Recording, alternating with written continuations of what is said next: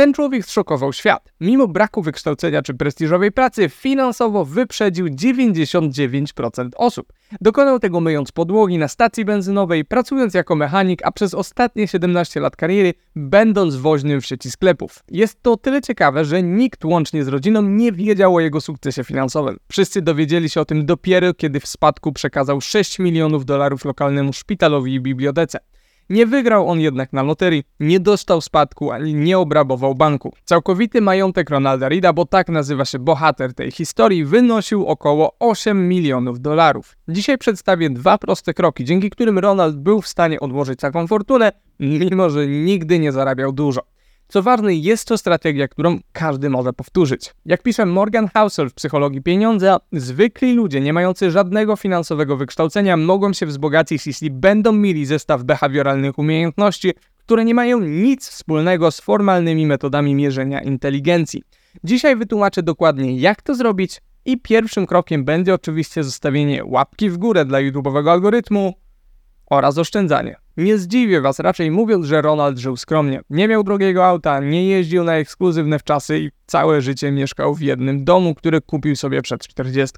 Ronald oszczędzał tak ekstremalnie, że pewnego razu dalsza znajoma zrobiła mu czapkę na drutach, bo miała obawy o to, czy staruszek przetrwa zimę. Innym razem, kiedy jadł śniadanie w pobliskiej jadłodajni, ktoś zapłacił za jego posiłek, myśląc, że dla Ronalda może to być za duży wydatek. Biorąc to pod uwagę, Myślę, że dużo byśmy się nie pomylili, zakładając, że wyglądem przypominał on nieco osobę bezdomną i jak widzicie, oszczędzanie praktykował on do granic możliwości. Nie mamy danych co do tego, jaki procent zarobków oszczędzał, ale na pewno było to ponad 50%.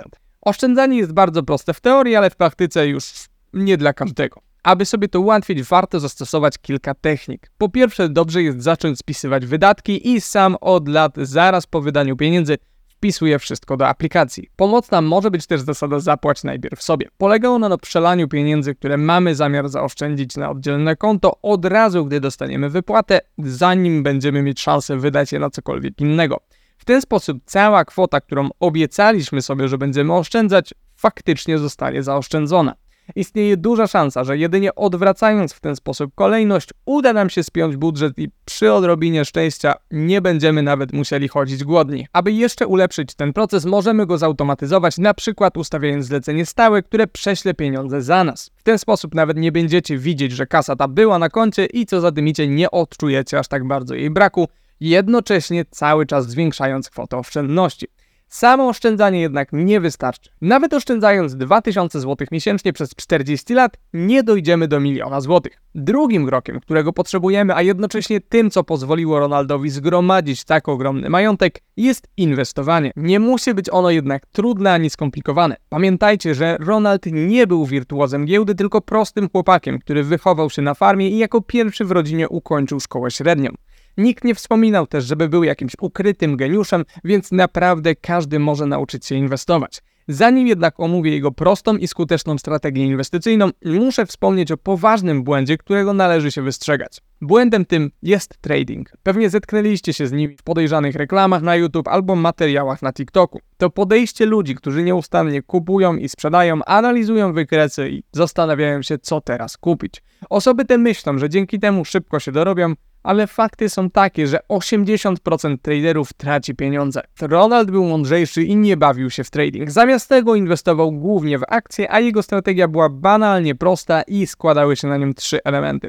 Po pierwsze, dywersyfikacja. Ronald skupił się na kupowaniu dużych amerykańskich firm, mimo że nie inwestował w nowości technologiczne, a raczej ograniczał się do takich spółek, które rozumiał jak Procter Gamble czy American Express – jego portfolio składało się aż z 95 spółek. Dzięki temu, nawet jeśli jakaś firma radziła sobie gorzej, cały portfel mimo wszystko rósł na wartości. Ronald był na przykład właścicielem akcji banku Lehman Brothers, który przecież zbankrutował, ale dzięki dywersyfikacji nie miało to dla niego fatalnych konsekwencji. Dzisiaj mamy szerszy dostęp do takich narzędzi jak ETF-y i fundusze indeksowe, dzięki którym możemy jednym kliknięciem zdywersyfikować portfel, kupując akcje największych firm z całego świata, o czym więcej opowiadam w materiale poświęconym temu tematowi. Drugi element strategii Ronalda to uśrednianie ceny. Co dwa tygodnie, kiedy dostawał on wypłatę, kupował kolejne akcje. Dzięki temu nie było ryzyka, że kupi na górce. Czasem kupił trochę drożej, Czasem trochę taniej, ale koniec końców cena zakupu się uśredniała. Inwestowanie w określonych odstępach czasu to bardzo dobre podejście, które eliminuje niepewność i zastanawianie się, czy teraz jest dobry moment na inwestowanie.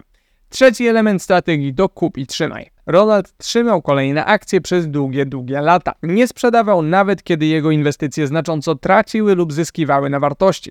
Nasz bohater doświadczył w swoim życiu aż 11 krachów i recesji, a mimo to nie sprzedawał i dalej konsekwentnie inwestował rozumiał jedną bardzo ważną rzecz. Timing rynkowy zazwyczaj zawodzi. Znaczy to, że niemal niemożliwe jest ocenienie z dużym prawdopodobieństwem, czy aktualny okres to dobry czy zły czas na to, żeby kupić czy sprzedać. Zamiast tego, dla większości osób najlepsze będzie trzymanie się swoich postanowień i inwestowanie zgodnie z wcześniejszymi założeniami oraz unikanie gwałtownego reagowania na aktualne wydarzenia z rynku. Kupi trzymaj zazwyczaj wygrywa i co więcej, stosując tę strategię, nie musimy poświęcać bardzo dużo czasu, by nieustannie sprawdzać, jak się mają nasze inwestycje. Kluczem sukcesu Ronalda były dwie rzeczy: rygorystyczne oszczędzanie i proste inwestowanie. Ile jednak musimy inwestować każdego miesiąca, żeby dojść do kwoty 1 miliona złotych? Wszystko zależy od naszego wieku, ale zakładając zerowe oszczędności i 7% stopy zwrotu, prezentuje się to następująco. Oczywiście im wcześniej zaczniemy, tym będzie łatwiej, ale nawet kwota 556 zł miesięcznie nie powinna być poza zakresem 30-latka, który nie zarabia wiele, ale za to bardzo rygorystycznie podchodzi do oszczędzania. Mimo, że z historii Ronalda można wyciągnąć wiele pozytywnych wniosków i lekcje dotyczące inwestowania, jakie nam przekazuje, są bezcenne, to jeśli naszym celem jest zostanie milionerem, wcale nie powinniśmy brać z niego przykładu. Udało nam się razem zrozumieć, jak można zostać milionerem przy niskich zarobkach, nie zadaliśmy sobie jednak najważniejszego pytania: czy warto to robić? No i niestety, moim zdaniem, nie warto. Zazwyczaj znacznie prostsze i przyjemniejsze będzie podniesienie kwalifikacji i zwiększenie zarobków. Aby poznać kilka możliwości na to, gdzie można zarabiać więcej, zapraszam na ten filmik o sześciu sprawdzonych drogach do bogactwa.